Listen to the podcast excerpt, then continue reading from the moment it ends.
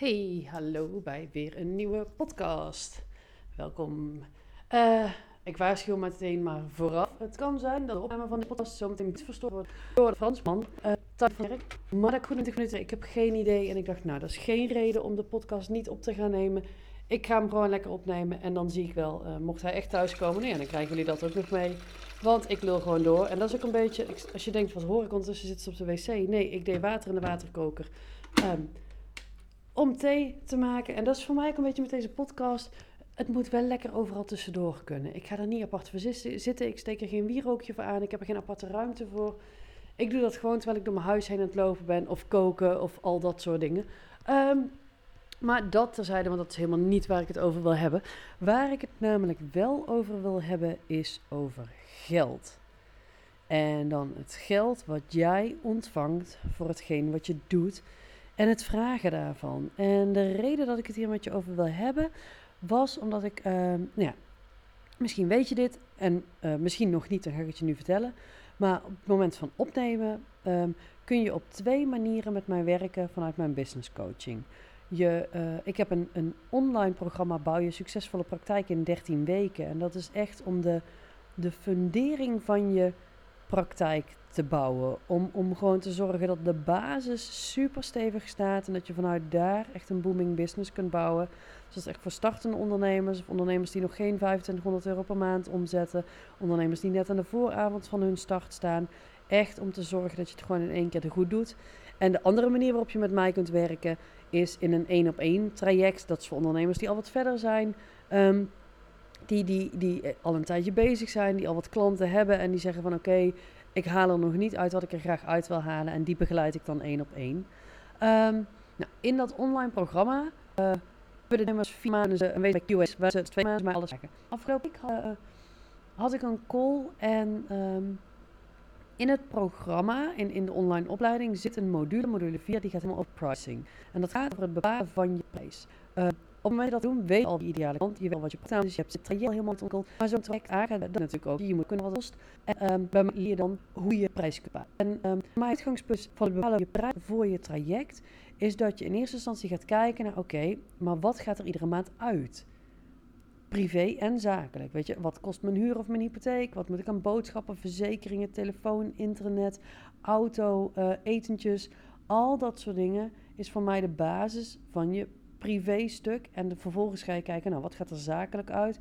Heb je huur voor een, voor een ruimte? Heb je uh, abonnementen lopen? Heb je misschien een business coach die je moet... Al dat soort dingen ga je optellen. Ga je kijken, nou, wat moet er iedere maand binnenkomen? En dan ga je uh, rekenen met het aantal uren per week of per maand dat je facturabel bent.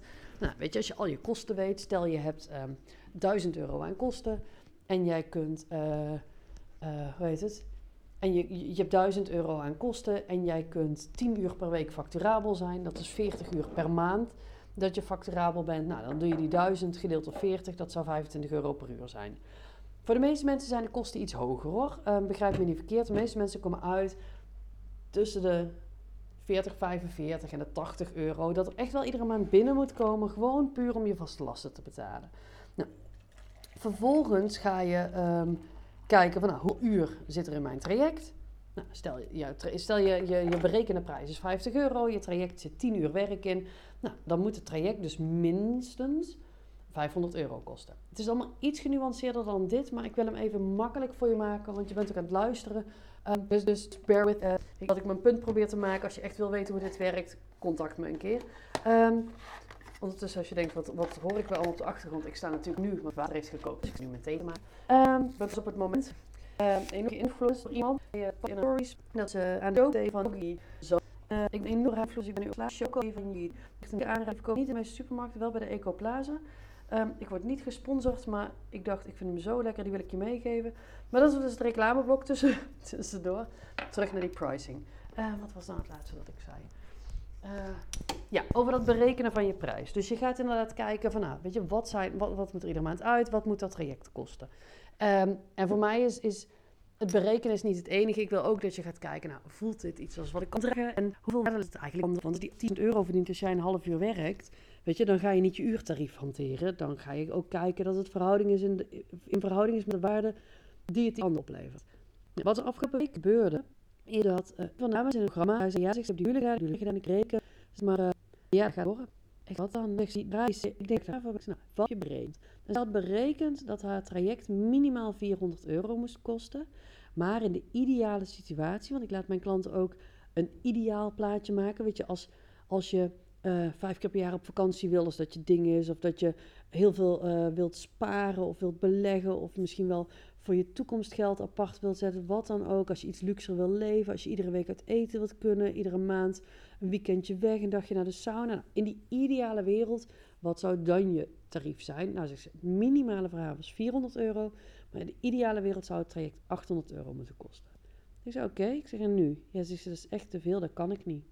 Dus nou, dat kan, weet je, dat kan altijd. Het kan zijn dat de prijs die je wat vragen, dat je dat nog niet je strot uitkrijgt. Dat het nog te zwaar voor je is. Dus ik vroeg aan haar, vanzelfsprekend, ik zei nou, wat, wat zou je, wat heb je gedacht? Wat zou voor jou wel oké zijn? Wat kan je dragen?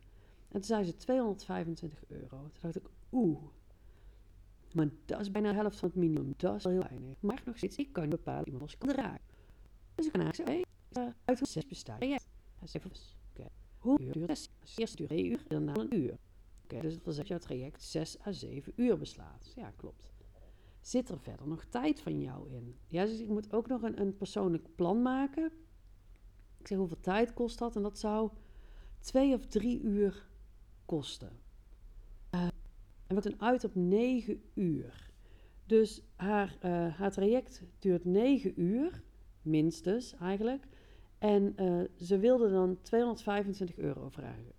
Nou, als je heel snel je rekenmachine erbij pakt, 225 euro voor een traject gedeeld 9 uur, dat zou betekenen dat zij 20 euro per uur zou verdienen. Nou werkt ze ook nog met particulieren. Het zou ook nog de inclusief btw-prijs zijn. Nou, 25 euro inclusief btw is 20 euro en een beetje exclusief btw. En ik heb haar aangekeken, lieve schat, wil je me één plezier doen? Ga in loondienst. Met alle liefde van de wereld.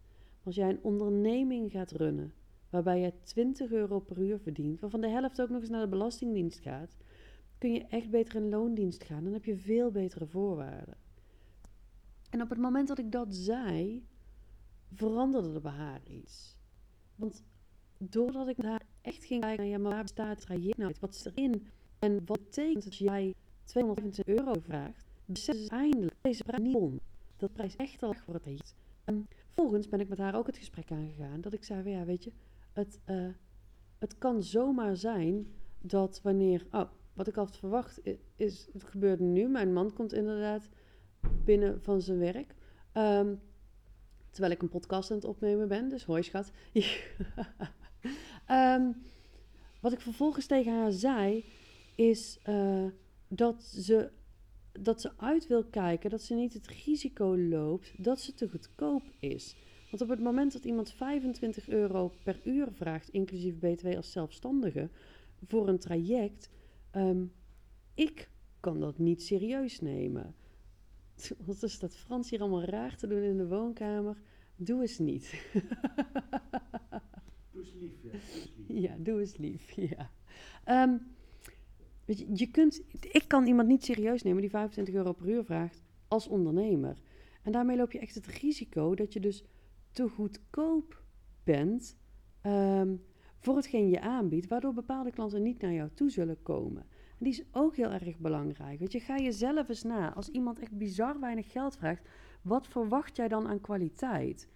Weet je, bij de action um, ga je ervan uit dat het risico nogal groot is dat iets niet een hele leven duurt, want niet duur. Maar als iemand bij jou komt voor een life-changing traject en jij vraagt daar peanuts voor, um, Weet je, dan, dan, dan is de verwachting van die ander ook niet zo. Dus, dus A, je krijgt misschien koopjesjagers, dus dat je ideale klant. Maar B, de verwachting is niet, niet zo hoog. Ze gaan er zelf veel minder energie in stoppen. Want if they don't pay, they don't pay attention. Dus op het moment dat zij niet de energie erin stoppen, loop je gewoon het risico dat ze er zelf, ja, dan vinden ze het ook niet zo belangrijk. Um, dus je wilt ook zorgen dat je niet goedkoop bent. En toen ik dit met haar besprak, toen zei ze ook van ja, zegt ze eigenlijk als ik dit zo hoor, snap ik zelf ook wel dat, dat die 225 euro, dat dan niet kan. Zeg, wat ga je dan doen? Ja, zegt ze, dan ga ik meer vragen. Zeg, wat ga je dan vragen? Ja, ze, die 400 euro lijkt me wel het minste. Ik zeg, ja, inderdaad, die 400 euro lijkt me wel het minste. Maar doordat ze echt eens even goed is gaan kijken naar haar prijs, werd het opeens ook heel logisch voor haar om een ander bedrag te vragen. En uh, toen zei ze ook nog van ja, dan, gaat ze, zegt dan, dan ga ik naar die 400 euro. Ik zeg, ja, ik zeg, maar eigenlijk wil je uiteindelijk, zou je in de ideale wereld richting die 8 willen. En ik ben de laatste die zegt dat je high-end prijzen moet vragen, dat je de hoofdprijs moet vragen. Daar geloof ik helemaal niet in. Maar wat ik haar adviseerde, en dat adviseer ik meer van mijn klanten, dat je begin op een prijs waar je je comfortabel mee voelt, maar zorg wel dat je niet te goedkoop bent.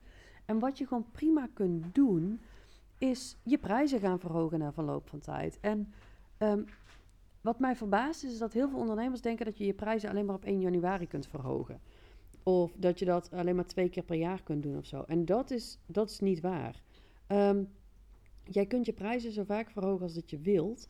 En er is, ja, er is niemand die iedere dag jouw website gaat checken om te testen van... oeh, zou de prijs nog hetzelfde zijn? Oeh, zou die nog hetzelfde zijn? Weet je? En als mensen dat wel doen, ja, lekker boeiend, maar dan had ze het een keer aan moeten schaffen.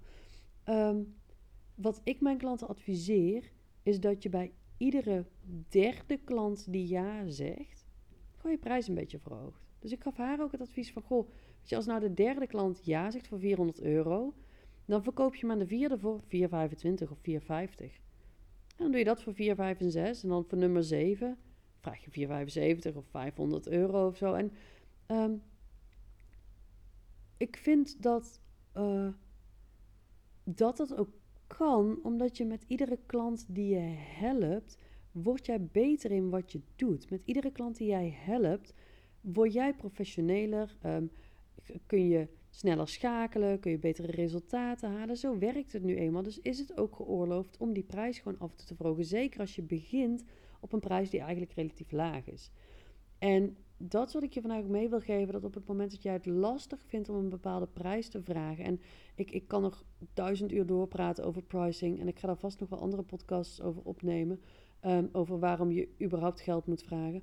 Um, maar ga bij jezelf eens na of, of het bedrag wat je vraagt, of dat klopt. Of het klopt met wat je moet verdienen.